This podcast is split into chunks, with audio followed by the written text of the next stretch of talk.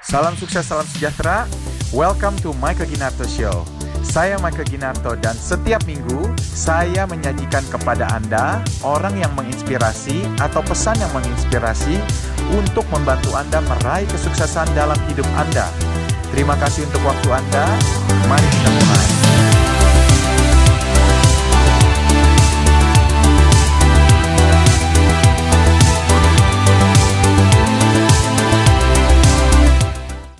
Dan bahkan salah satu bank itu kasih tahu kita manajernya gitu kan. Lalu orang kan baru start bisnis gitu masih muda.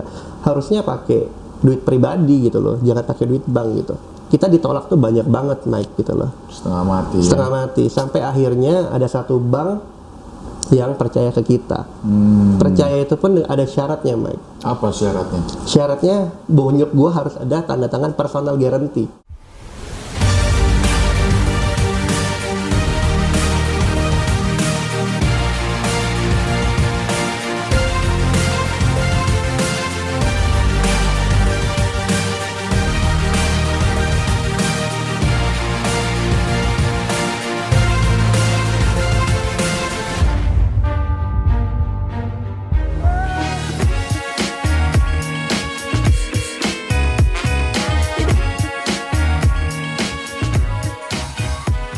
sukses, salam sejahtera. Kembali lagi bersama saya Michael Ginarto. Pada hari yang istimewa ini kita kedatangan bintang tamu anak muda yang sukses luar biasa menjadi property developer.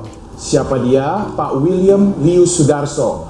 Dia adalah pendiri dari Eastern Brand yang sangat amat luar biasa. Oke, so hari ini kita bakal uh, berbincang bagaimana caranya memulai uh, bisnis di real estate development. So, welcome to the show, Pak. thank you Yes. Pak Michael Yes. happy diundang di sini Waduh, kita hari ini mau pasang topi pelajar, mau belajar dari Pak William nih. Luar biasa nih. So, how are you, Pak? I'm good very good Oke, that's good, that's good. Uh, saya baca profile you, uh, ini sangat amat muda ya, lahiran tahun 89, cuma udah Iya. jadi successful property developer nih.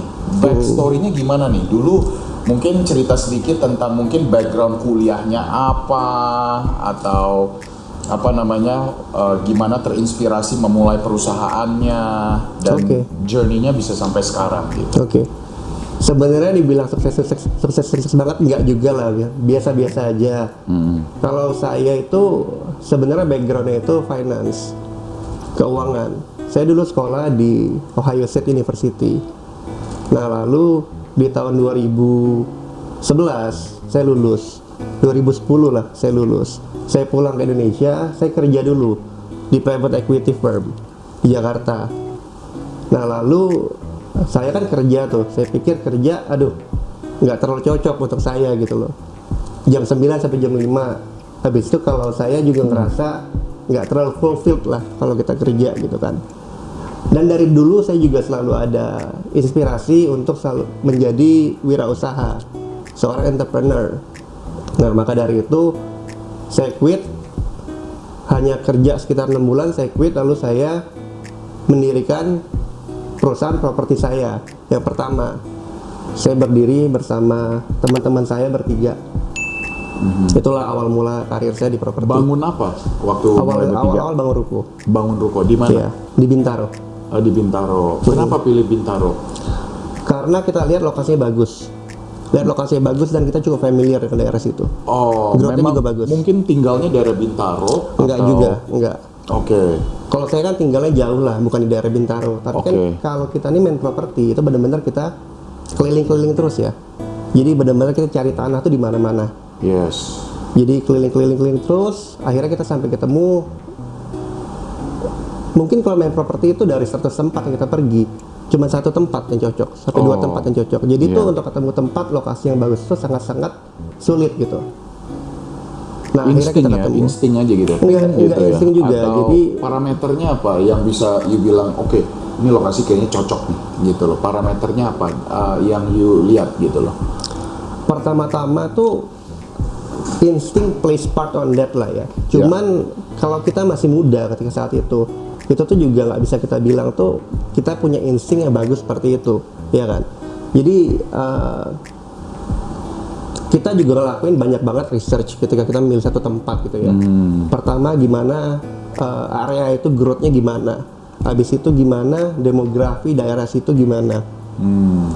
dan comparable produk di situ seperti apa. Demografi dalam arti apa sih maksudnya? Demografi dalam arti misalnya ekonominya gimana di situ, Oh, age of rata-rata- population, Rata-rata penghasilannya berapa? benar, Oke. dan uh, deket ke area mana, Oh. akses mana ke uh, akses ke tol itu juga Oh. penting sekali future apa future growth of that area lah Trafiknya rame apa enggak? traffic gitu ya? ini atau enggak itu Terus- kita research semua Eh, age groupnya gitu ya. benar sekali Usianya usianya di berapa sampai berapa? Itu dapat info itu dari mana? kita suka sekali Iya. uh, age group ya di mana age group produktif di 26 sampai 40 yang Hmm. gede nah itu kita suka dapat dari mana dari BPS dari Oh, statistik Badan Pusat Statistik Iya. ada semua data itu. ada semuanya Akurat kita sih? cari akurat sebenarnya kita nggak tahu akurat atau enggak tapi at Iya. least itu bisa jadi patokan kita Yes. dan ditambah dengan kita punya research mengenai produk-produk di daerah situ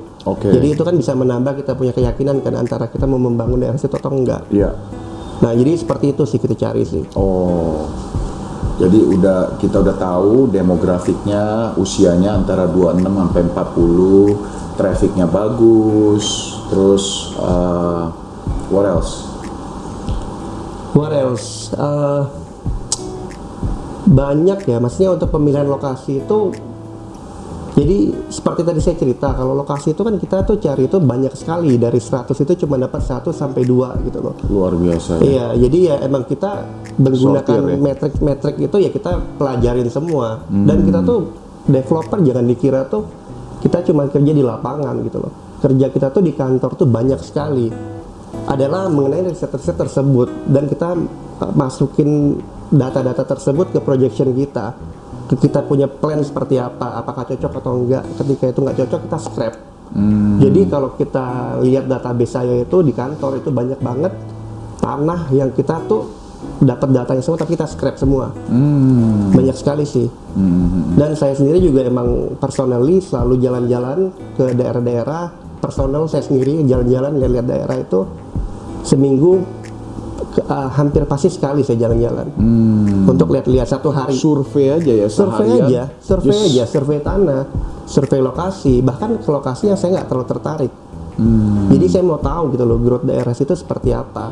Contohnya Hmm. banyak lah. Contohnya kayak di daerah Gunung Putri yang kita bilang terlalu jauh di daerah Bogor gitu yang mungkin nggak ada di rencana kerja Eastern sekarang gitu loh. Cuman kita tak pengen tahu dulu daerahnya itu untuk ke depannya itu gimana prospeknya gitu. Hmm. Jadi ya itu hal penting sih. Iya, iya, iya, iya. Jadi punya pengalaman langsung, bukan Oh, itu cuma baca ya. Iya iya. Bukan cuma baca di internet, cuman you mau lihat cek fisiknya. Oh, Oh, gimana harus, ya. baru dapat inspirasinya, dapat feelingnya ya. Bener. Oke. itu pertama kali ya seperti itu kita mulai proyek kita di Bintaro Hmm. lalu uh, pelan-pelan satu proyek dua proyek tiga proyek empat proyek sampai dengan sekarang kita sudah kerjain 14 proyek 14 project ya. iya 14 proyek dari tahun 2011 lah 2011 iya Jadi 2011 you bikin joinan tiga orang. Benar. Proyek di Bintaro. Benar. Itu pada saat itu ruko berapa unit? 8 unit 8 unit ya. Iya. Wah, langsung gede juga ya. Enggak juga lah kecil-kecilan Ya lumayan. Iya, For beginner ya. oke ya Iya. benar-benar Berapa gede luas tanahnya? waktu itu 1500 kira-kira 1500. Di Bintaro, ya. Bintaro. Dulu kita actually fokusnya tuh di komersil. Semua Oh. proyek kita awal-awal tuh komersil semua, ruko-ruko semua. Betul. Lalu kita mulai baru beralih itu ke residensial tahun 2017. Oke. Kita baru beralih ke residensial. Hmm. Jadi mungkin saya cerita dulu ya. Tadi starting kan cuman bertiga sama teman-teman ya. Lalu itu PT namanya awalnya PT Gill and Williams Property. Dulu bertiga. Lalu eh, sekarang ini eh, tahun 2016 dan yang sekarang saya running ini adalah PT Eastern, Eastern Urban Capital. Itulah ya di mana proyek itu kita mulai banyak fokus ke residensial yang kita kembangin sekarang. Oke. Oke. Jadi abis dari situ you move on Jill and Williams. William abis itu setelah bikin itu Eastern ya. Iya, sebenarnya nggak langsung ke Eastern. Jadi setelah itu kita ada lagi, saya ada lagi PT namanya Urbana Karya. Oke. Setelah itu, cuman PT Gill and Williams ini dan Urbana Karya itu kenapa? Itu kita bubarin. Oh. Kita bubarin. Mhm. Kenapa kita bubar? Karena kalau di bisnis ini kita ngomong ya, eh, awal-awal ya, sama lah kali Mike ya. Kita tuh about survival gitu awal-awal. Iya Oh, kan? yes, yes, yes. Maksudnya ketika kita starting bisnis tuh awal-awal tuh kita selalu ngomong tentang survival dulu. Betul. Jadi jangan muluk-muluk dulu lah. You have vision and everything gitu. Betul. Tapi kita eh, eh, ngomong tentang survival dulu. Betul. Nah jadi eh, awal-awal itu secara project tuh bagus, Mike. Komersil itu kita cukup sukses. Mm-mm. Cuman eh, ketika berjalannya waktu, yang kita bilang shareholders, kita bilang tim ini kadang-kadang tuh berubah gitu loh. Kita punya eh, directionnya gitu kan.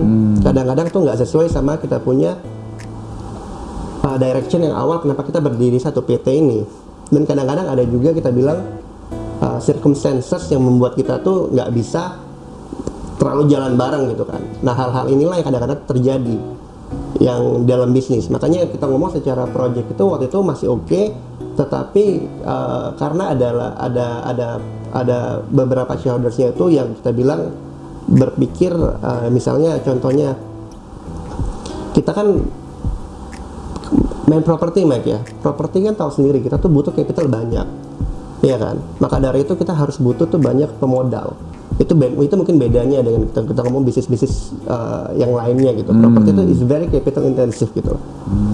Nah habis itu shareholders uh, ketika kadang-kadang tuh kita makanya saya tuh selalu ngomong tuh sama orang-orang yang mau mendirikan satu perusahaan itu itu sangat penting sekali untuk menseleksi mereka punya investor and also shareholders.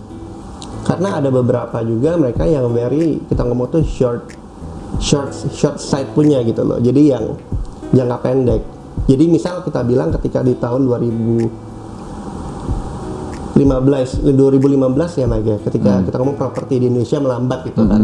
Nah, ada beberapa yang kalau mereka kalau kita kan kalau saya sendiri kan saya ada jiwa di properti emang Mike dari dulu Iya. gitu loh. Dari kecil saya diajar dia saya di jiwa di propertinya lah. Iya. Nah, jadi apa pun yang terjadi ya saya akan selalu stay di sana. Iya. Iya kan? Uh, yang penting saya uh, make the best project that I could make gitu, Iya kan? Dan Yes. and satisfy my customer needs gitu. Yes. Kira-kira seperti itu. Nah, tapi ada beberapa juga yang lihat itu secara financial terms aja. Hmm. Jadi ketika lagi sulit gitu ya, nah shareholders ataupun investor ada yang pull out. Oh. Seperti itu. Tengah jalan. Iya di tengah jalan. Nah jadi eh, makanya saya mulai berpikir itu untuk bener-bener ini pelajaran juga untuk teman-teman yang misalnya mau bikin perusahaan juga gitu loh. Untuk maksudnya tuh cari shareholders tuh harus satu visi dari awal. Masih berkomitmen juga. komitmen jangka panjang gitu Jangka loh. panjang, jadi ya. ketika jadi itu ya bisnis kita tuh bisa running uh, smoothly in a long terms gitu loh. Nah itu pelajaran saya dapat juga pas awal-awal. Jadi uh, seperti yang tadi seperti, seperti tadi saya bilang gitu loh. PT Gills dan PT Urbana Karya itu secara project wise, financial wise gitu itu oke make Hmm. profit tapi ya terpaksa kita likuidasiin gitu loh karena nggak sesuai sama Ya. uh, visi awalnya itu Visi lah. awalnya. Benar. Ya, ya, ya. Makanya tahun 2016 saya bikin Eastern. Eastern sendiri nih. Eastern uh, Family and Friends. Oh, family and Family friends and juga Friends. ya. Tapi uh, saya tekanin selalu dari awal yang untuk Eastern ini kan untuk untuk lihatnya tuh lebih jangka panjang. Hmm. Ya. Jadi yang instan lah. nggak ada yang instan lah. Iya, Jadi iya. emang bener-bener saya rasa satu visi gitu loh. Betul, betul. Kan penting ya kita kalau untuk jangka panjang penting, itu kan. sangat penting. Especially in property ya.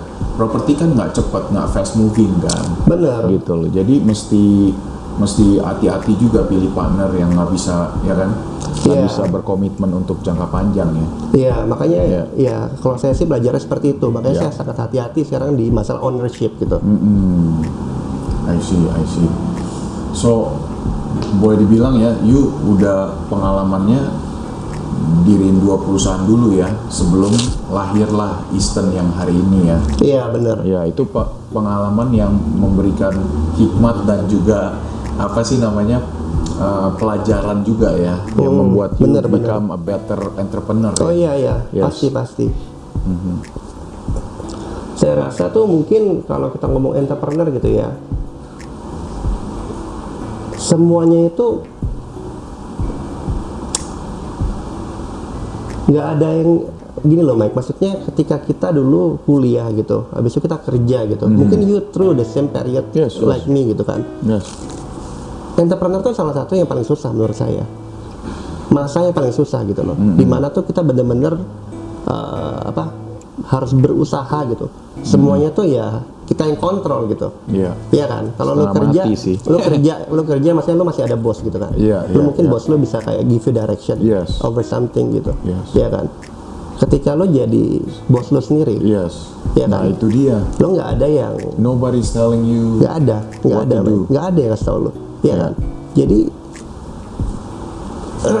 lu mau bangun jam berapa pagi? Siapa yang ngomong sama lu? What is easy to do is also easy not to do. iya bener. Iya kan? bener. Iya kan? dan ketika kayak lu uh, nggak ada plan ke depannya ya lu harus bikin plan sendiri kan? Exactly. bener kan? Habis itu ketika lu lagi misalnya ada bad deals or something going on with your life gitu lu ada down gitu siapa yang pick yourself up ya lu sendiri kan Yourself ya. iya nah jadi being entrepreneur tuh menurut gua emang very hard decision gitu ya it's a very difficult but also it's very satisfying ketika lu sudah mencapai itu Mike Yes, yes, yes. iya lu tau lah yang gue ngomong kan Wah setengah mati lah. Iya kan? build kita punya company dari awal gitu loh. Iya. Jadi kalau dulu gue bisa cerita Mike, perusahaan gue tuh pas pertama kali ya kita starting gitu ya di tahun 2011 itu itu umur gue tuh masih waktu itu 21 Mike waktu itu 21 kita tuh cari pendanaan untuk project ya kan Susah lah. Who's gonna believe you? Nggak ada track record. Iya kan? bukan susah doang minta ampun Mike Iya, masalahnya kayak gitu iya. jadi kita eh, pergi sampai itu ke 10 bank kira-kira. All the big names or the household names yang lu tahu sekarang mengenai bank ya kita udah pergi di Iya, situ. Kita udah. pergi ke sana. Dan kita ditolak sama 10 bank itu Udah Mike pasti lah. dan bahkan salah satu bank itu kasih tahu kita manajernya gitu kan. Lalu orang kan baru start bisnis gitu masih muda. Harusnya pakai duit pribadi gitu loh jangan pakai duit bank gitu. Nah jadi kita ditolak tuh banyak banget naik gitu loh Setengah mati. ya. setengah mati sampai akhirnya ada satu bank yang percaya ke kita Hmm, percaya itu pun ada syaratnya Mike apa syaratnya? syaratnya bonyok gua harus ada tanda tangan personal guarantee Waduh, Jadi- belum tentu mau loh. Iya kan? tapi mau nggak mau kan Iya, ketika iya, kita iya. starting itu ya kita harus mau yaitu the only options yang gue punya waktu itu Personal guarantee nama personal orang guarantee tua. orang tua gue Wow. karena data dan gue tuh nggak pernah bawa orang tua gue dalam apa pun dalam bisnis sebenarnya Mike gue nggak paling nggak suka gitu Wow. makanya kita ya mungkin kalau ada bantuan bonyok kita dari awal ya mungkin lebih gampang ya dapat bank segala macam cuman gue cuman gue nggak pernah mau gitu loh bawa bawa Hebat karena gue ngerasa kita harus responsible of ourselves gitu ya Hebat sih. Nah jadi ya saat itu akhirnya solve seperti itu. Akhirnya Hmm. kita mau nggak mau ya tanda tangan. Bonyok gue tanda tangan di Palembang personal guarantee karena gue dari Palembang kan. oh asli Gue Palembang. asli Palembang. Jadi uh, bonyok gue tanda tangan personal guarantee di Palembang. Ya gue tanda tangan kredit loan di Jakarta. Hmm. Seperti itu. Baru dapat pinjaman. Itu pinjaman pertama kita. Berapa duit tuh kalau boleh tahu? Enggak banyak lah, tapi maksudnya untuk pembangunan lah, untuk pembangunan yang itu bisa selesai gitu loh. Cuman tanahnya siapa punya pada saat Kita beli sendiri, beli sendiri, Kita beli. patungan bertiga. patungan bertiga. Cuman untuk biaya bangun personal guarantee uh, orang tua yang jamin ya. orang tua yang jamin. Waduh. Orang Ya, tua jadi- memang the best ya. Iya.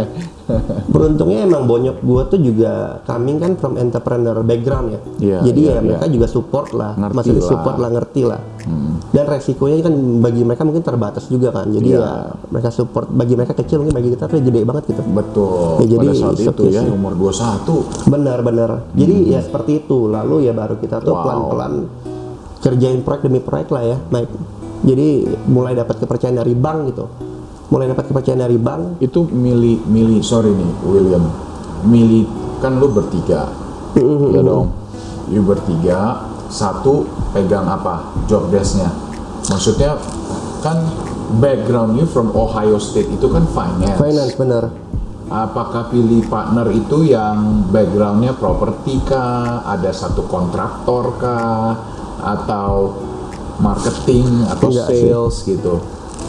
Basically gini loh Mike, ketika lo lulus kuliah, ini company pertama lo, Nekat lah. what you gonna do gitu maksudnya lu gak tahu apa-apa Iya, gitu don't ya kan? anything. maksudnya ya Iya. dulu kita masih bodoh-bodoh juga gitu kan Iya, maksudnya iya, jadi iya, ya iya. semuanya kerjain semuanya Oh, nggak ada gitu. kayak yang lu spesialis apa lu spesialis apa tapi Iya, kita iya, harus iya. ngerti semuanya Iya, tiga-tiga iya, orang itu harus ngerti semuanya Eh, tapi mungkin kita bagi job ya ada lah lu bantu urusin ini lu bantu ini gue bantu ini Hebat. cuman kita harus ngerti semuanya gitu kan ya tapi what do you expect gitu from Iya. from first Iya iya. iya. uh, experience gitu lo bikin company ya kira-kira seperti itu Hmm. jadi gaduh-gaduh semua Hebat. Oke. Nah. paham paham. Iyalah paham lah pasti. Paham. Soalnya lo ya pasti kayak gitulah namanya awal-awal. Hmm. Nah lalu ya kita seperti tadi ya kita udah mulai dapat kepercayaan dari bank gitu kan Mike. Kita dapat kepercayaan dari bank mulai pelan-pelan gitu. Mulai tuh eh, banyak bank yang mau gitu loh danain kita gitu. Sampai sekarang pun kita ya sekarang pun ya kita di, didanain semuanya tuh udah oke gitu loh. Dari BCA gitu, kita emang eksklusif sama BCA semua. Tapi itu actually ya menurut gua walaupun kedengeran cereh gitu ya. Kedengeran cereh kedengeran receh gitu. Cuman tuh gue ngerasa bangga sih. Maksudnya tuh one of uh, biggest bank gitu kan yang mereka paling most konservatif tuh dia mau danain kita terus gitu loh.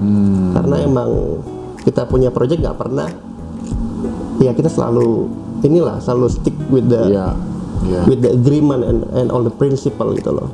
I see. Nah lalu kita seperti itu juga pelan-pelan kita mulai cari investor, Mike. Investor ada banyak yang mau ikut kita gitu loh. Caranya gimana? Danain kita. Maksudnya cari investor itu uh, tujuannya kan untuk melengkapi funding part. Jadi boleh dibilang uh, your responsibility mungkin dari cari tanah, dari dapetin the deal, negotiate the price, mungkin come up with the architecture, cari Iya. kontraktor. So all the vendors pasti servicesnya Eastern dong. Benar. Ya dong, Pak William dong. Iya, iya. Nah, mungkin untuk cari investor itu proposalnya seperti apa? Mungkin bisa sharing. Bisa, bisa. Yes. Jadi kalau kita main properti ini kan seperti tadi saya bilang, itu tuh benar-benar capital intensif. Bener-bener kita butuh dana tuh gede. Ya. Apalagi di Indonesia, bank itu nggak akan mendanain tanah sama sekali. Iya kan? Tanah harus peraturannya. beli dulu, Harus beli dulu lo baru, bisa baru nih financing kira-kira gitu lah. ya. Kira-kira begitu. Ya. Jadi kalau kita pikir gitu Mike, maksudnya kalau gue selalu tumbuh organik gitu, or- organic gitu kan, organic growth gitu dari duit gue sendiri gitu. Ya mungkin nggak apa-apa sih, nyaman juga Mike. Cuman kan ya lambat gitu ya kita pikir ya. Jadi mungkin dan gue masih muda, gue pikir ya gue harus berani gitu Mike, ambil resiko gitu, ambil kepercayaan dari orang, gue harus berani lebih eh, gedein gue punya bisnis, expand gue punya bisnis Ya. gitu di mana ya kita akhirnya dapat investor-investor. Oke. investor-investor yang mereka yang percaya sama kita gitu loh. Dapat dari mana? friends. family and friends. Gue selalu di first circle itu aja Mike. Iya. family and friends. Uh, sampai sekarang ya. Ke depan ya pasti ada plan lagi gitu loh. Iya. Iya kan? Nah jadi uh, family and friends itu mereka dan dari pelajaran gue tadi awal Mike gue tuh jadi takut kasih equity ke orang. Ownership tuh gue jaga banget gitu loh. Karena gue takutnya itu uh, yang uh, seperti kita bilang masalah komitmen segala macem gitu kan. Itu jadi nanti pen- kendala kita ke depannya gitu kan. Makanya gue selalu jaga ownership equity itu gue nggak pernah lepas. Oke. nah yang kita lepas itu adalah yang kita investor itu kita tuh pakai debt. Jadi debt. Jadi utang lah ya. utang. Tapi utang dia mengacu ke profit sharing ke project. Oke. jadi kalau kita ngomong tuh bisa bilang seperti mezzanine debt gitu loh. Oke. jadi eh, ya itu. Jadi di mana ada ada agreement sendiri gimana ketentuannya kalau mereka mau dilunasin atau mereka mau ngejual debt mereka habis itu gimana masalah pajaknya habis itu gimana masalah eh, pembagian profitnya. Itu ada semua di agreement itu. Tapi intinya itu debt yang nanti bunganya itu adalah mengacu kepada profit dari project tersebut. Oke. kira-kira seperti itu Oke, kalau misalkan gini ya, uh, step one dapetin project do you run the numbers dari 100 project dapat dua yang bakal you ambil kan? Oke, so jadi itu kan intensif banget. Bener. you pakai cek fisik mesti cek Oh, iya, badan harus. pusat statistik maybe you ask around and semuanya akhirnya you yang memutuskan oke ini lokasi bagus. Hmm, untuk kita bangun yang ada kebutuhan di situ apa gitu kan Hmm, Iya dong benar, benar, Oke. benar, benar. oke saya mau ini ini bagus nih gitu kan nah itu marginnya berapa in your rough estimate gitu Marginnya. Iya. Kadang kan ada yang 20, 30% is enough gitu loh. Oke. Um, mungkin gini ya, kalau ngomong margin itu kan very different gitu ya antara developer tuh mereka ada strategi sendiri gitu kan.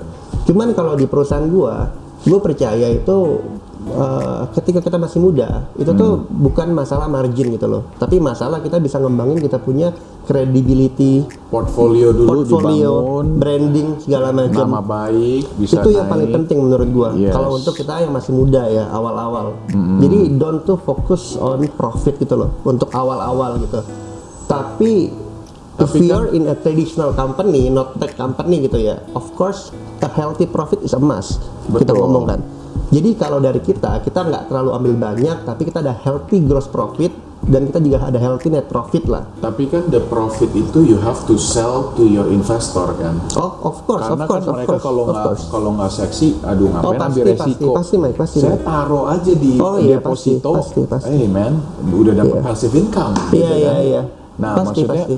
Kalau orang mau invest di Eastern for example, Uh-uh. nah itu uh, proposalnya seperti apa? Garis besarnya aja. garis gitu. besarnya Nah, uh, garis maksud- besarnya lo in simple terms Iya, gitu ya Mike ya yes. lo invest ke kita misalnya 1000 perak gitu Hmm, lo akan dapat 1000 perak lagi selipat. selipat ya Oh. kira-kira begitulah in period of time Oke. ada hitungannya dan kita very open very visible dan sama kita punya transparent sama kita punya investor Oke. jadi kalian investor kita mau lihat ke buku kita silakan datang ke kantor Masuk minimum berapa jadi investor? Saya jadi mau invest.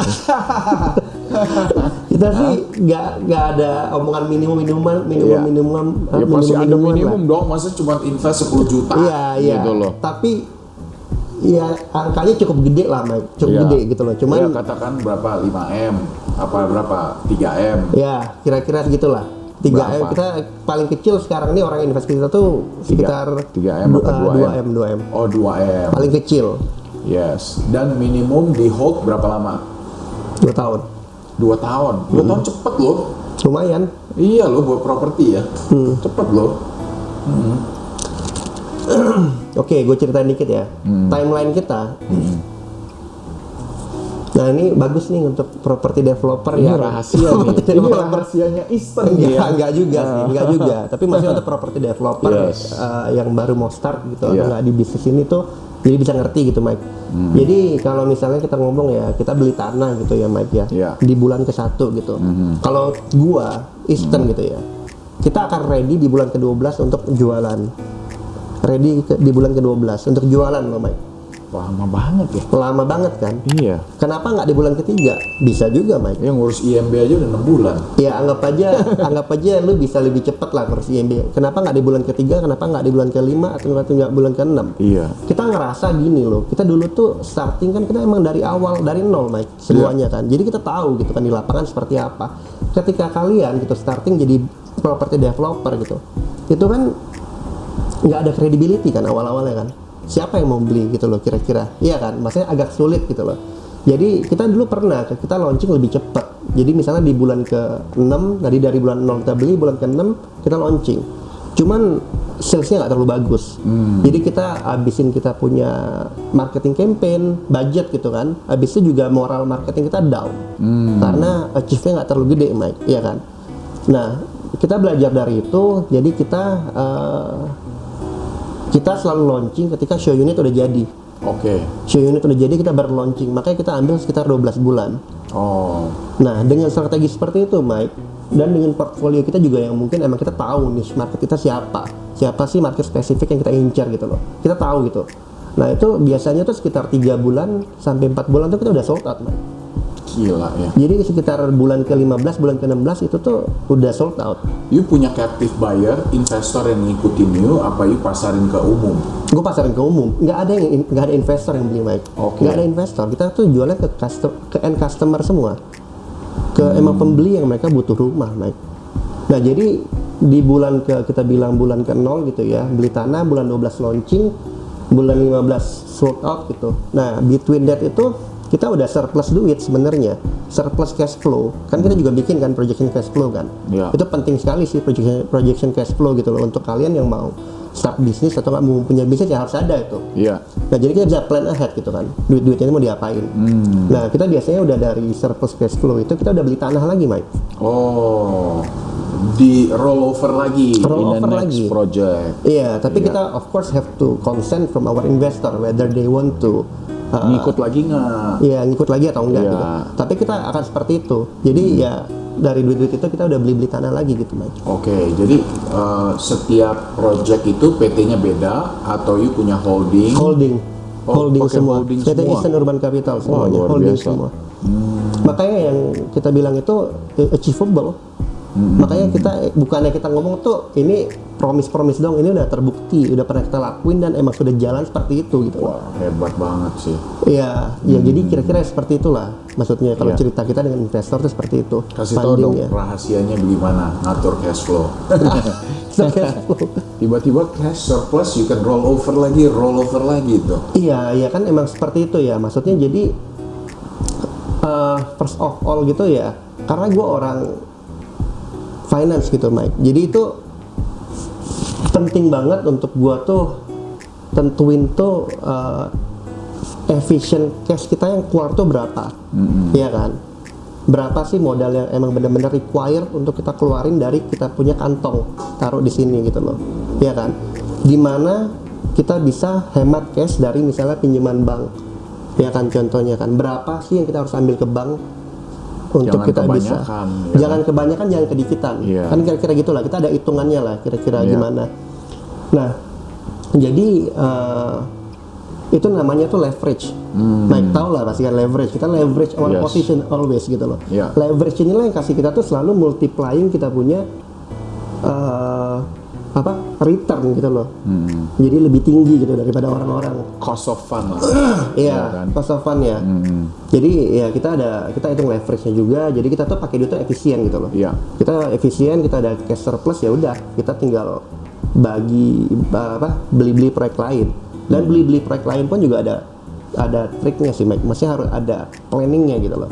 Jadi kita tuh jarang banget ya untuk ngambil cash misalnya gue beli 1000 perak gitu ya udah gue bayar 1000 perak di depan. Langsung semuanya. Ya. kita jarang seperti itu. Yang kita sering lakukan adalah oke pak saya komitmen untuk beli 1000 perak. Iya kan? 1000 perak tapi uh, ini akan saya bayar 12 bulan ke depan. Ya.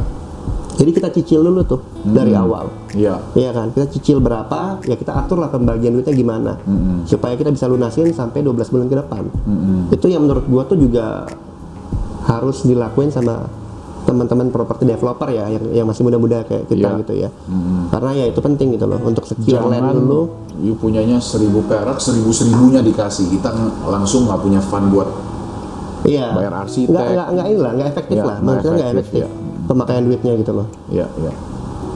Hmm, jadi udah deal sama pemilik tanah, dicicil 12 kali, oke. Terus mereka kenapa mau ya? Apakah Hmm. Oh, dikasih mau, cut mau. gitu loh? Enggak, atau enggak, enggak.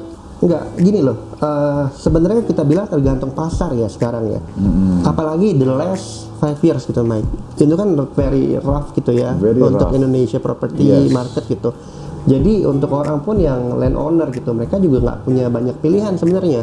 Jadi eh, siapa yang pegang cash actually they are the king now gitu kan. Yes. Nah jadi eh, Not now, dari dulu. Iya, dari dari dulu. zaman King Salomo juga sama. Cash is juga. king. Ketika pasar lagi naik, pasar Oh, lagi iya bagus, sih. kebalik Mike. Iya sih. Kita yang butuh mereka. Kita nah, butuh jadi mereka, iya betul. is a part of the market juga sih yang Yes. kita pakai gitu. Jadi efficiently cara pengaturannya kita negotiate with the win-win dealnya oh iya iya, benar-benar. ya kan? Mhm.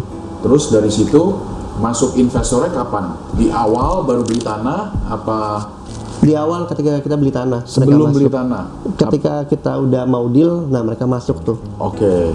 Iya, seperti itu sih kira-kira Mike. Kalau Hmm. untuk kita ngomong uh, investor ya. Yes, kalau praktik yang saya udah pelajarin, especially yang sudah terjadi di Amerika, itu kan biasa orang yang kerja itu bisa dapat 30 up to 40% from the profit, Oke. Iya kan?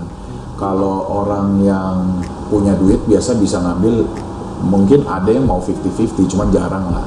Orang yang punya dananya biasa kasih 60% profit sharing, gitu kan? It's, it's normal karena mereka kan cuma parkirin duit istilahnya supaya dimultiply supaya lebih gede. Iya, benar. kan? Nah Benar. itu uh, di Indonesia juga sama ya, Sama sih Mike. bisa Sama, ya. sama. 70-30 apa 60-40 Sama, sama. itu masih Sama. orang bisa terima yang Oh yang iya. kasih sumber dana. Oh iya iya. Iya. Kita kasih mereka return itu kok jauh banget kok lebih gede daripada deposit ataupun Iya iya. gede lah kita lumayan cukup gede kasih mereka. Jadi dengan cut pun seperti itu masih oke. 20 eh, dua tahun itu mereka bisa pull out apa nyambung terus atau bagaimana? Kebanyakan nyambung terus sampai sekarang. Oh nyambung terus Nyambung ya. terus ya. Mereka Jadi dapat diputar terus dividen sih. apa tunggu sampai maturity udah sold semua baru mereka bagi-bagi. Eh, kita nih kan nggak tahu ya kalau saya sih kalau aku ya Mike maksudnya dari dulu selalu ngomong investor gitu loh ataupun Iya. ke shareholders kita gitu loh don't expect dividend from us gitu kira-kira gitu, eh, kira-kira gitu Ngomong especially dulu ya. especially untuk Iya. shareholders ya kita ngomong Yes. investor beda cerita Iya, iya, tapi iya. itu pun kita ngomong dari awal kok kalau kalian nggak bisa horizon itu long term ya mendingan jangan invest di sini gitu loh it's okay gitu Iya. mungkin nggak terlalu cocok gitu kan tapi kalau Iya. kalian bisa long term horizon mungkin akan lebih cocok di sini gitu loh Hmm. kita expect ketika mereka masuk itu secara investor kita expect mereka tuh bisa mungkin lima tahun enam tahun tujuh tahun untuk stay there gitu loh apalagi shareholders kita ngomong shareholders itu kita nggak pernah ada eh, kita kita nggak pernah dividen lah kita selalu put the money into growth mode gitu. Nah, jadi selalu dikembangin terus gitu apalagi kita masih muda ya Mike ya. jadi kan Hmm. Harus itu berani perlu- dong. iya perlu banget gitu kan Perlu untuk kita banget ya. grow terus gitu Ya. Hmm. Oke, menarik juga ya. Dari situ baru sell uh, all- resepnya apa nih? Kalau resepnya jualan bisa cepat habis gitu loh. Apakah you cek harga pasar dulu atau jual di bawah harga pasar nah jadi gini Mike menurut atau gue ya, gimmick? Enggak juga, gue paling nggak mau pakai gimmick sih. Karena Hmm. itu eh, menurut gue nggak terlalu inilah nggak terlalu instan gitu loh. Nah jadi yang kita lakuin itu tuh pertama tuh kenapa instan tuh lumayan growth-nya lumayan oke gitu, lumayan cepet gitu. Karena kita pertama tahu kayak jelas gitu loh, clear Hmm. kita punya pasar tuh siapa. Siapa sih yang kira-kira beli? Kita tahu gitu loh parameternya siapa Wow. orang ini kerja di mana, kerja di bagian ini, Wow. umur berapa, penghasilannya berapa. Kita sudah tahu kira-kira market segmen kita tuh siapa, Hmm. Mike. Ya, tapi itu semua orang harus tahu pasti market segmen mereka siapa, harus jelas.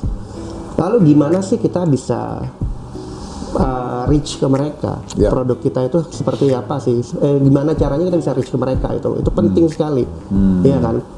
Habis itu kita harus bisa berpikir seperti mereka, Mike Ya. ketika mereka ini profesional muda misalnya kita ngomong kan mereka mau pick mereka punya location habis itu mereka mau pick mereka punya particular unit house gitu ya kira-kira tuh seperti apa sih yang mereka suka gitu loh Iya kan mungkin kayak eh, bedanya antara Eastern sama kayak big developer lain gitu ya Mike ya. Kalau kalau dari pandangan gua gitu yang gua lihat dari awal kenapa kita rancang Eastern seperti ini adalah kalau lihat di seperti kita ngomong big developer Mike pada umumnya gitu loh.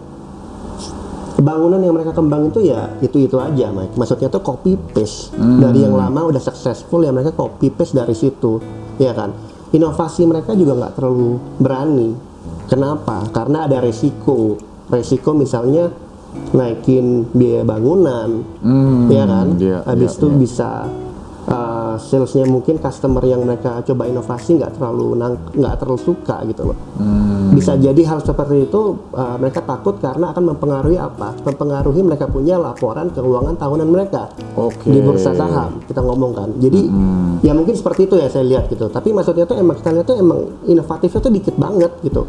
Nggak berani ya. nggak berani dan juga tuh ya gitu-gitu aja gitu. Bangunan kotak-kotak habis itu ya kaku-kaku gitu loh. Iya.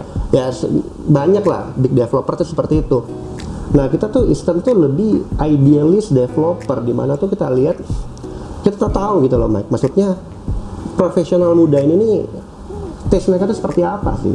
Iya kan? Tes mereka seperti apa? Lalu eh, gimana sih mereka mau tinggal di daerahnya tuh eh, gimana suasananya gitu loh nah jadi itu kita lebih fokus ke hal-hal seperti itu di mana kita kembangin tuh Lifestyle-nya mereka ya. Iya, di mana kita kembangin tuh unit yang benar-benar layoutnya tuh bagus gitu kan, yang benar-benar kita perhatiin gitu loh. Uh, dead space-nya nggak ada, habis itu dia punya natural lighting-nya tuh selalu ada di setiap ruangan, sirkulasi udaranya tuh kita perhatiin. Habis itu fasadnya tuh kita pilih the very very well design fasad lah gitu Wow. loh. And very well design layout gitu loh, very efficient gitu loh. Dengan harga juga yang nggak terlalu mahal untuk mereka.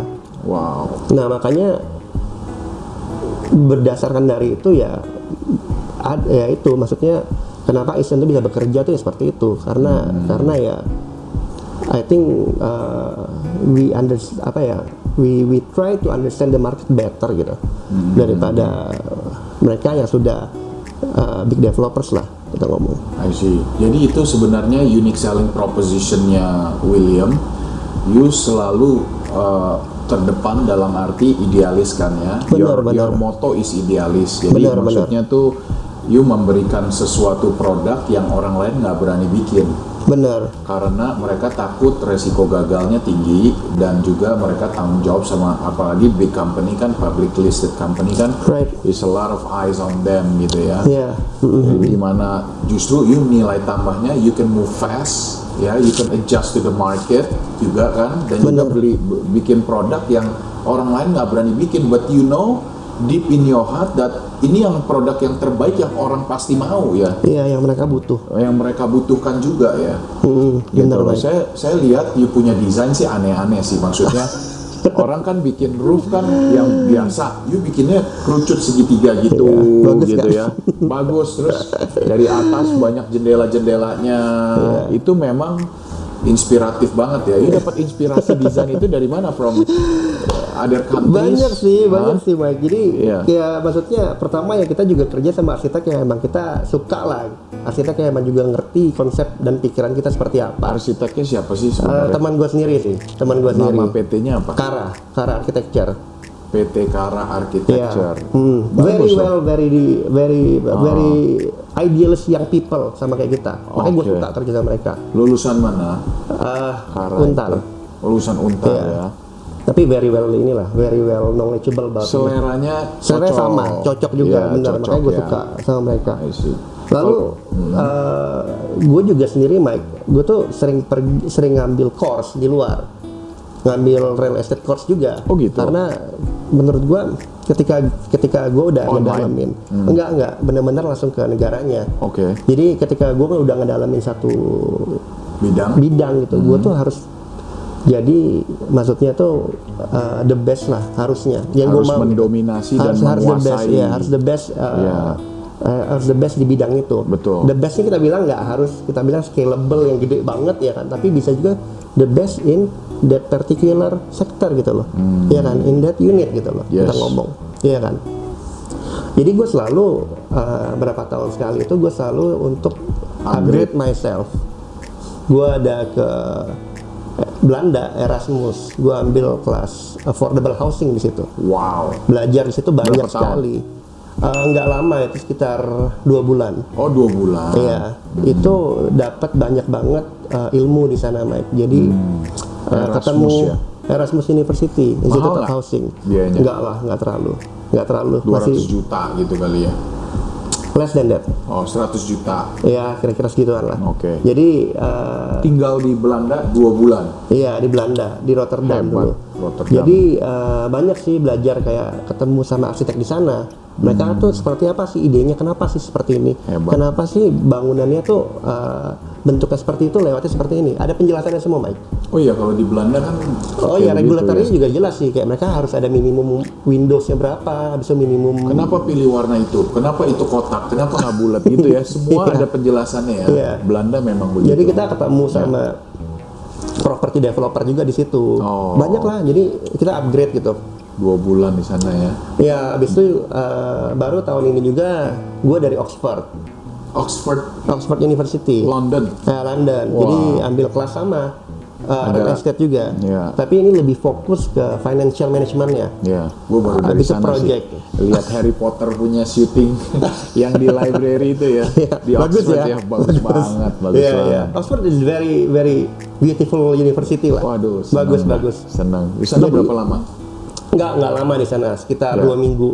Oh dua minggu. Iya, jadi di sana- program apa? Eh, real estate program, real estate, real estate program. Oh, Jadi di sana kita ketemu banyak sama benar-benar profesional real estate ya. Iya, Jadi iya, benar-benar mereka property developer dari Swedia gitu, Uh, dari Denmark gitu, habis itu dari banker-banker, banker-banker dari European ya. banker gitu. wow. Uh, ketemu sama banyak lah banyak mereka yang kayak government people Hmm. dari Malaysia dari banyak lah semua orang ngumpul di situ jadi kita bisa banyak ngerti uh, dari New Zealand banyak sih jadi kita bisa ngerti kayak gimana sih tren di, di, negara mereka dan problemnya apa dan kitanya seperti apa Hebatnya William mau belajar terus ya. iya jadi kita tahu Mike kira-kira tuh Hmm.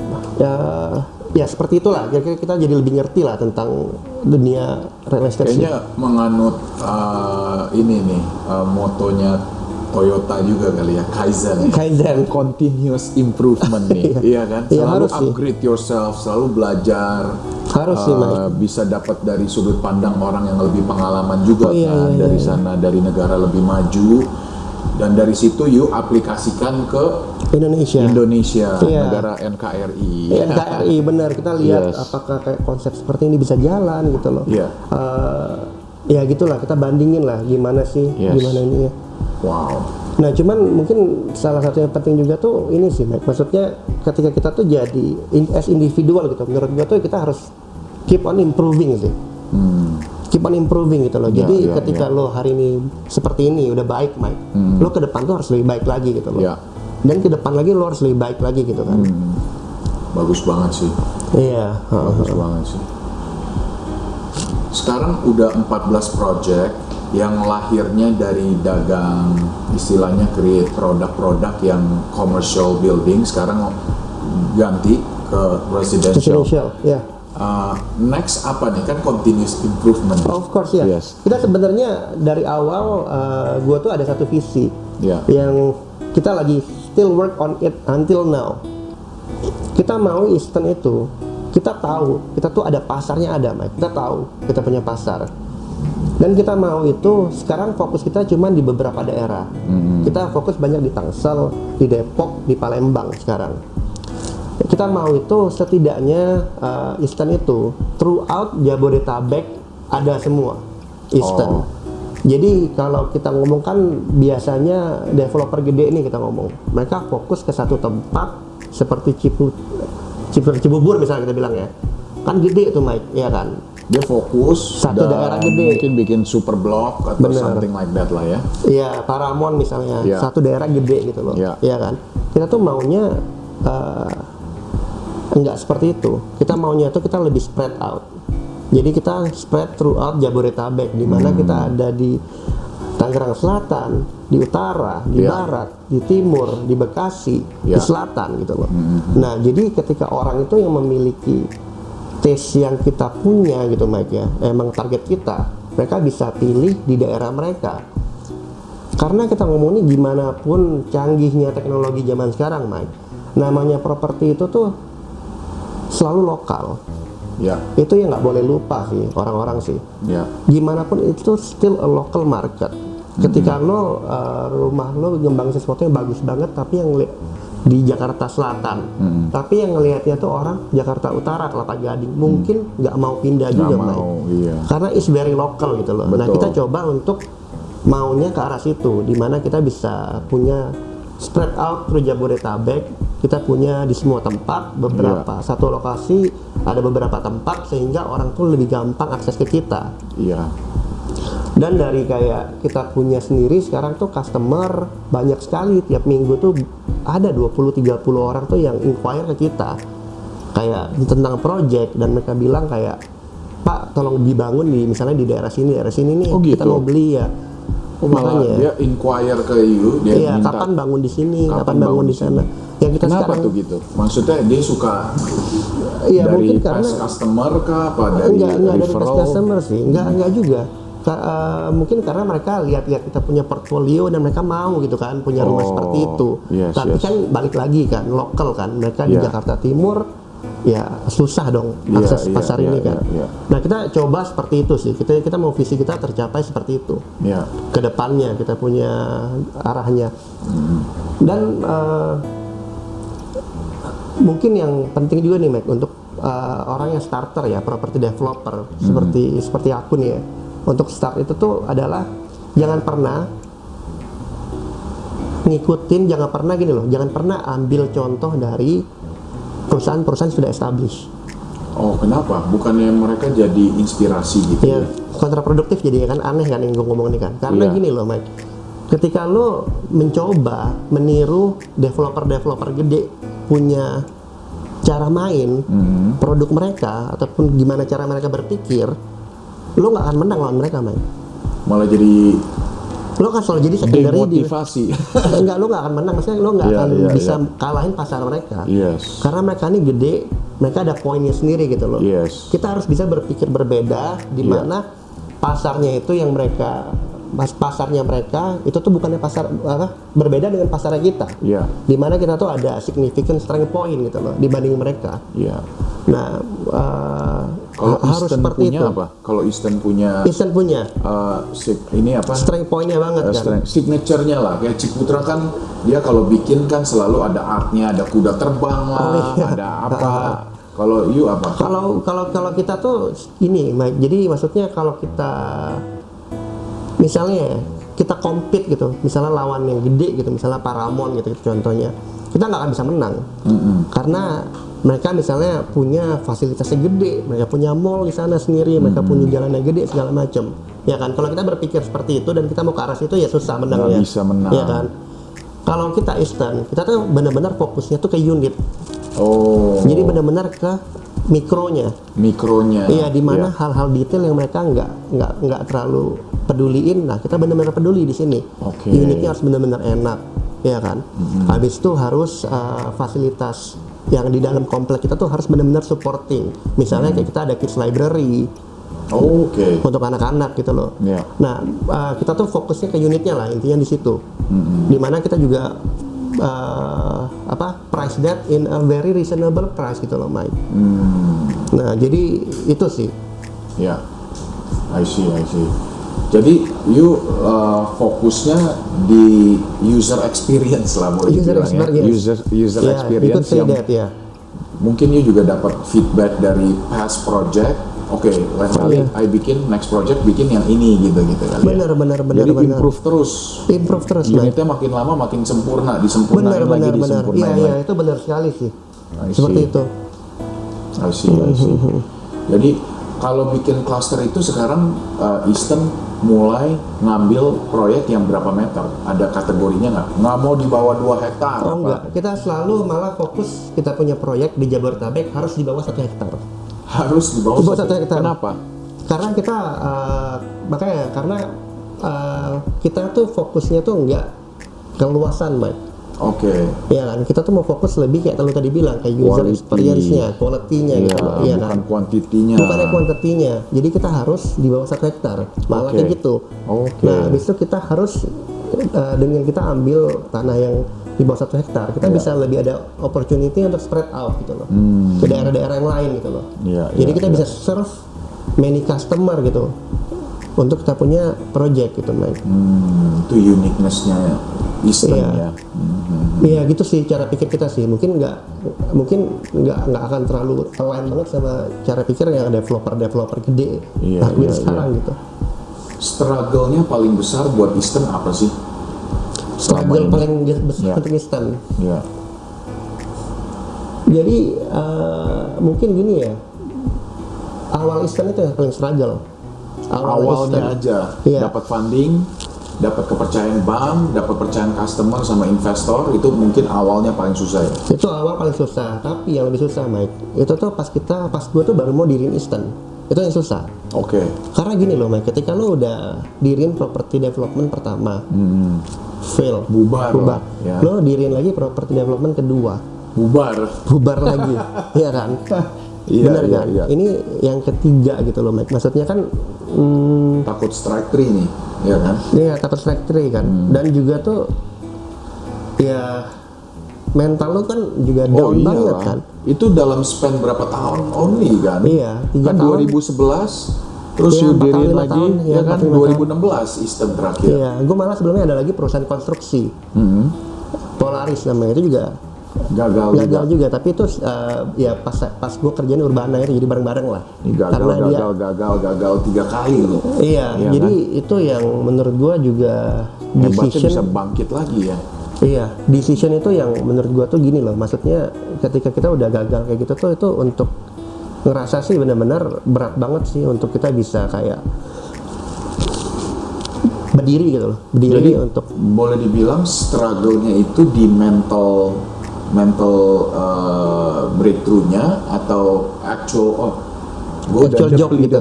depleted all my funds gitu loh oh maksudnya enggak sih. Di mentalnya sih, Mike. Mentalnya Lebih capek ya. di mental sih. it's all about the mindset ya. It's, it's, all, it's all about the mindset gitu loh. Itu emang, emang emang penting sih. Emang penting sih orang-orang tahu sih.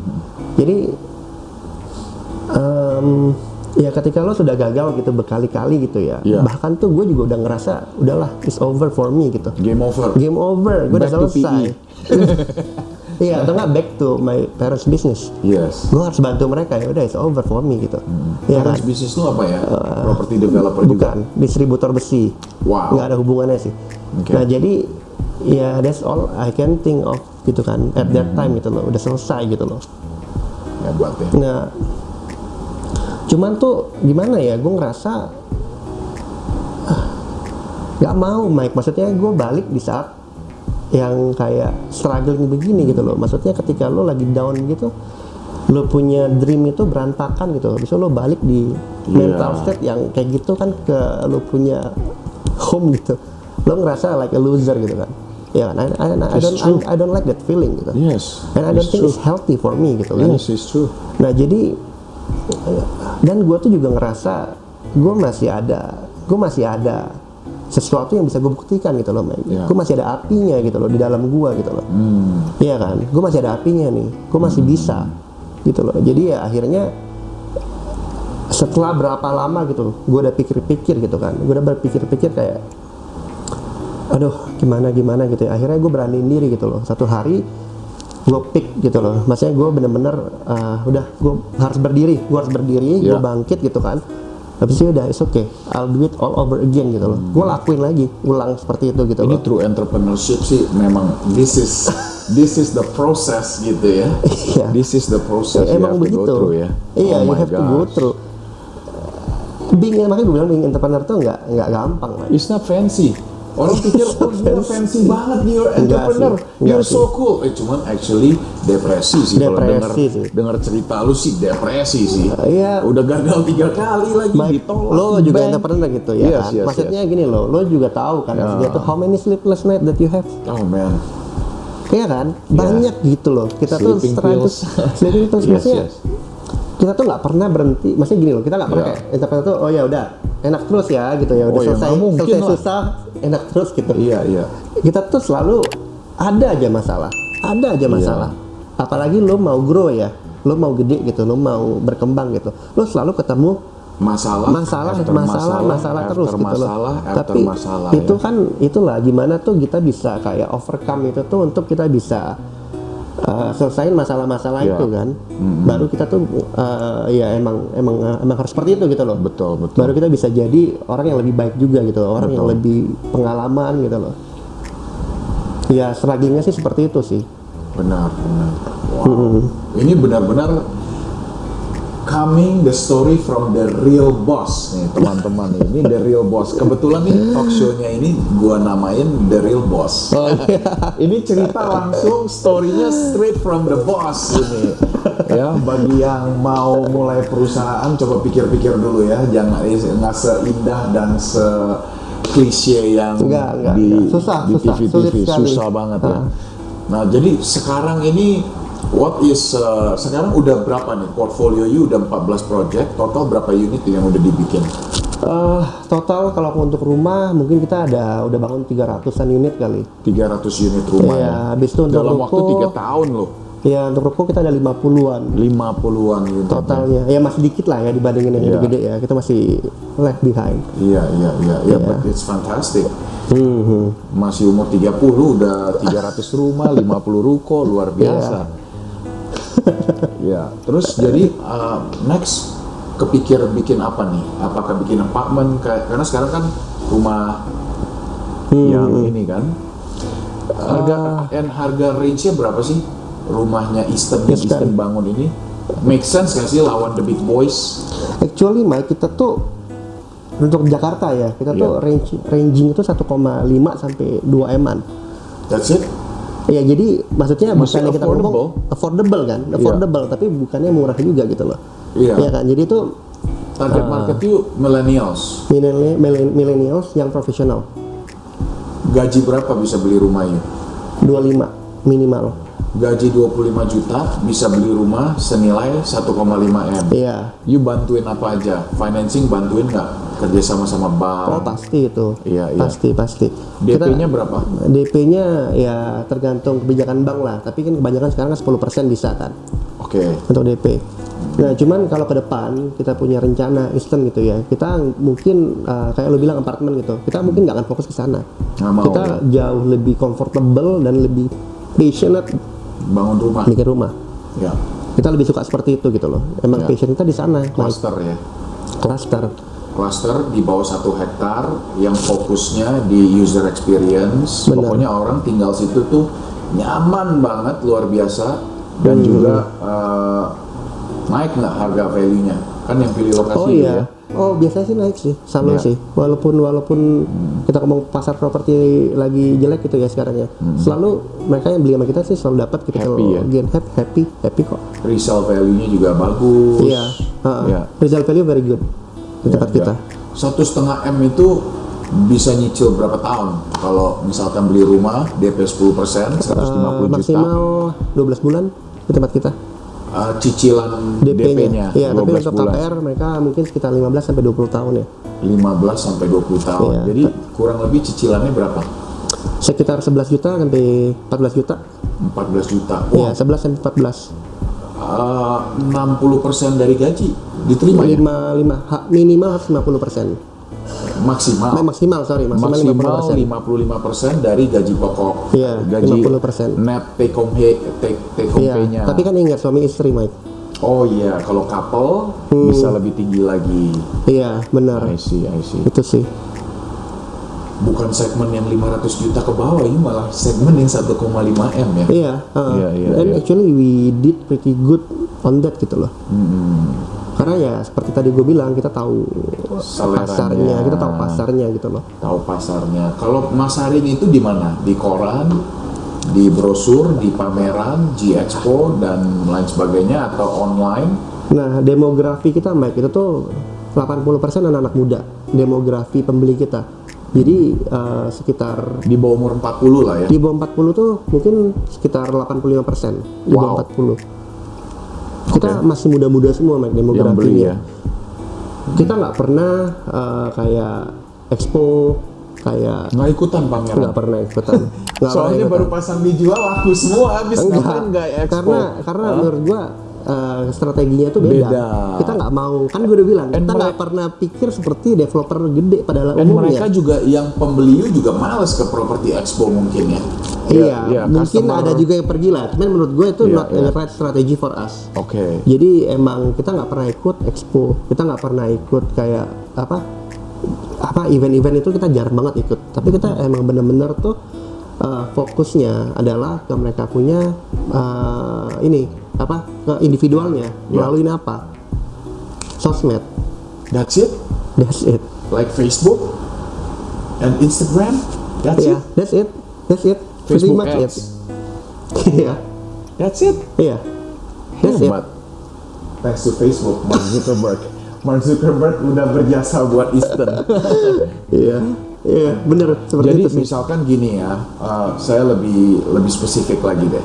Hmm, You bangun di katakanlah di Pondok Cabe iya, satu hektar, you punya development. iya. Pasang iklannya untuk orang di Pondok Cabe, vicinity situ, iya. atau you cari yang di luar Pondok Cabe, Pondok Timun mungkin. Kita tuh seperti balik lagi ya, Mike. Kita kan Iya. pelajarin pasarnya kan. Jadi Iya, misalnya uh, di tadi kita ngomong pondok cabe, kita tahu pasarnya tuh mungkin nggak pondok cabe, Mike. Iya. Tapi orang di Jaksel, di mana uh, orang yang kerja misalnya kita bilang di Blok M, uh, mereka yang kerja di TBC Matupang, Hmm. mereka yang kerja di Cilandak gitu loh. Tapi mereka mau beli di Cilandak Dia, mahal, iya. ya kan? Mahal, uh, dapatnya kecil lah, kira-kira gitu. Betul. Nah di tempat kita dapatnya jauh lebih gede, value apa? Value-nya juga nggak mahal gitu loh, Mike. Betul. Masih masih terukur gitu loh. Hmm. Nah kita kayak gitu sih pasar-pasar kita. Jadi emang kita pikirin. Seperti kita ada bangun di Depok sekarang gitu. Iya. Nah Depok itu bukan untuk orang Depok sebenarnya yang kita incar adalah orang yang di Cilandak. Oh gitu. Kenapa? Karena kita tahu kan tol lagi mau nyambung tuh, ya Iya. kan? Kalau udah nyambung dari tempat lokasi kita tuh ke Cilandak tuh cuma sekitar 10 menit. Oke. Dan dari kita tempat kita ke tol Iya. itu tuh cuma sekitar berapa deket banget lah 4 sampai 5 menit doang. Hmm. Nah, jadi uh, orang yang kita sasar tuh malah orang-orang yang di TBC Matupang, Cilandak gitu loh. Hmm. Jadi agak aneh kan? Bukannya bangun di sana tapi kita bangun di sini. Tapi actually that is work. It is working very well ya. Iya, karena Hmm. mindset anak-anak muda tuh zaman sekarang juga shifting loh, Mike. Mm-mm. Iya kan? If, kalau lo boleh nanya survei ke orang-orang kan kita suka survei kan Iya. ke user langsung ke potential customer langsung.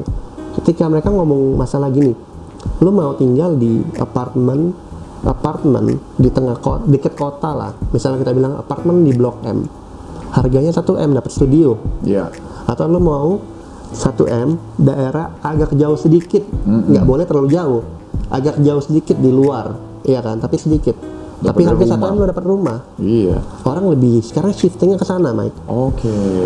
Karena zaman dulu mungkin pas apartemen tuh baru jadi gitu kan ya, orang masih eh, apa penasaran gitu loh, Mike. Makanya banyak orang-orang beli apartemen. Tapi mereka udah banyak beli apartemen sekarang. Mereka ngerasa tuh harus bayar maintenance fee kecil, nggak bisa diexpand segala macam gitu loh. Nah mereka Sempit. lebih pilih, ya mereka lebih pilih rumah. Shifting eh, di millennials sih menurut gua sih. Iya. Ini ide ini sih shifting di millennials. Makanya kita ngerasa ya itu produk kita tetap tepat untuk mereka. Oke. It's very smart strategy sih actually menawarkan produk-produk yang developer besar Enggak enggak nggak iya. nggak bisa sih Iya. sebenarnya sih skala you kan dia orang don't even bother looking ya Don't kan? even bother looking. Iya. Iya. Benar benar benar. Kita So, segmented banget sih. iya developer besar kan selalu sekarang fokusnya pada super block. Iya. convenience. Oh, tinggal turun langsung mall dan lain sebagainya ya. Kita bisa lihat kayak yang proyek-proyek di Jakarta terutama ya. Kita bisa lihat kayak misalkan Ciputra Ciputra World, bisa juga uh, Central Park dan lain sebagainya ya. Itu saya lihat agak sedikit uh, stressful trafficnya sih. Iya, benar. Saya lihat sih mau ke sana aja. Saya bayangin kalau saya tinggal di katakanlah di Central Park. Itu mau keluar tol aja bisa. Hmm. Stres kan? Aduh, stres dah. Stres Iya. dah. Iya sih. Benar, And benar. you menawarkan sesuatu yang eh jauh dari kebisingan, jauh dari kesibukan, come to my world gitu kan. Iya, Where pokoknya udaranya lebih sejuk mungkin. Ya kan? Hmm. Dan, mereka bisa enjoy banget sih. bisa enjoy punya dan kalau udah mulai punya tempat. anak tinggal di studio apartemen kan Susah, stres. Nggak susah, bisa Mike, iya. iya kan dan nggak bisa expand lagi kan. ada clubhouse juga nggak Kita punya ada beberapa, Oh, beberapa beberapa kompleks kita ada. development ada Ada, clubhouse-nya. ada kolam renang, ada, ada lah kita seperti itu. Tapi yang kita selalu fokusin tuh ke kalau kita sih kids library sama playground. Oh, kids library Karena playground ya. kita udah punya anak, juga kan gue udah punya anak juga kan. Gue ngerasa itu ya sebenarnya itu paling esensial gitu loh. Iya, kita kan semua kerja juga buat anak ya. Iya kan? Jadi fokusnya di sana. Benar, benar, benar. Oh gitu. Oh keren, keren, keren. Oke, that's good. So unique selling propositionnya udah jelas. You punya kita tadi juga udah sempat bahas tentang how to get funding, Iya. ya kan? Kita juga udah bahas betapa pentingnya cari uh, investor dengan komitmen dan mindset yang tepat. Uh, boleh dibilang kata kuncinya adalah managing expectation-nya. Kadang kan investor masuk apa shareholder masuk maunya masuk cepat-cepat keluar gitu kan. Iya, Jadi iya. you harus manage ekspektasi para investor. Eh, we're here for the long haul gitu Iya, ya. iya. Cuman is it worth it?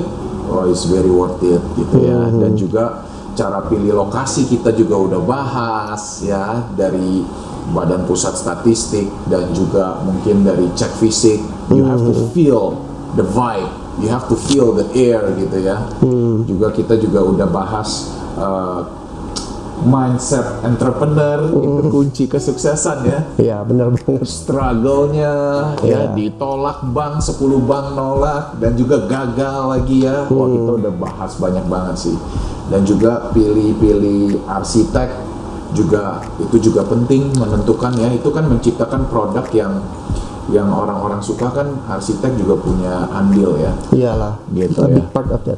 Yes, and kita juga udah tahu nih Easton punya selera ini belajarnya dari Oxford, dari dari Rotterdam.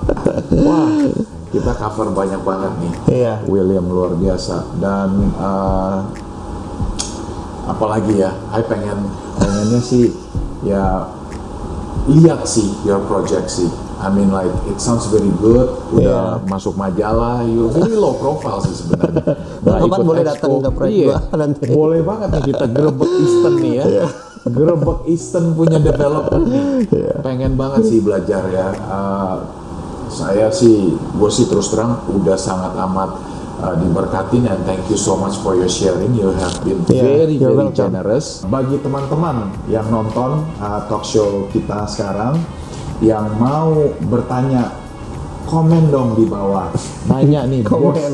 bos Eastonnya ini uh, apa nih apa aja yang mau ditanya sama bos Easton langsung sama bosnya bisa dijawab nih ya dan juga kalau you merasa ini memberkati you dan juga menginspirasi untuk menjadi developer sesukses bro William ini mungkin bisa klik subscribe juga dan juga Harus itu share. subscribe ya. harus, Harus subscribe itu. dong only at Michael Ginarto ya dan kalau orang mau kontak you gimana caranya Kontak Uh, ada bisa. IG IG-nya ada apa IG.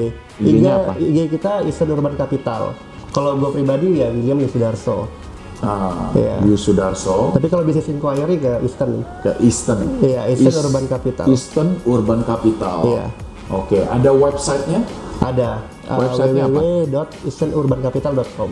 Oke, nih Nanti- nanti, nanti ada dimun- dimunculin dimunculin nih, dimunculin di sini ya websitenya ya, Iya. www.easternurbancapital.com. Dot .com. Oke, ya dema- dengan demikian ya, uh, thank you so much. Uh, saya yakin uh, saya sangat diberkatin. Saya yakin teman-teman juga yang menonton juga diberkatin dan informasinya sangat amat bermanfaat. And please recommend others to watch the show and click subscribe dan lupa klik loncengnya. Setiap hari Jumat saya menayangkan orang-orang yang inspirational, the real boss, yang master in the industry. Oke, salam sukses, salam sejahtera. Oke, this is Michael Ginarto. Thank you.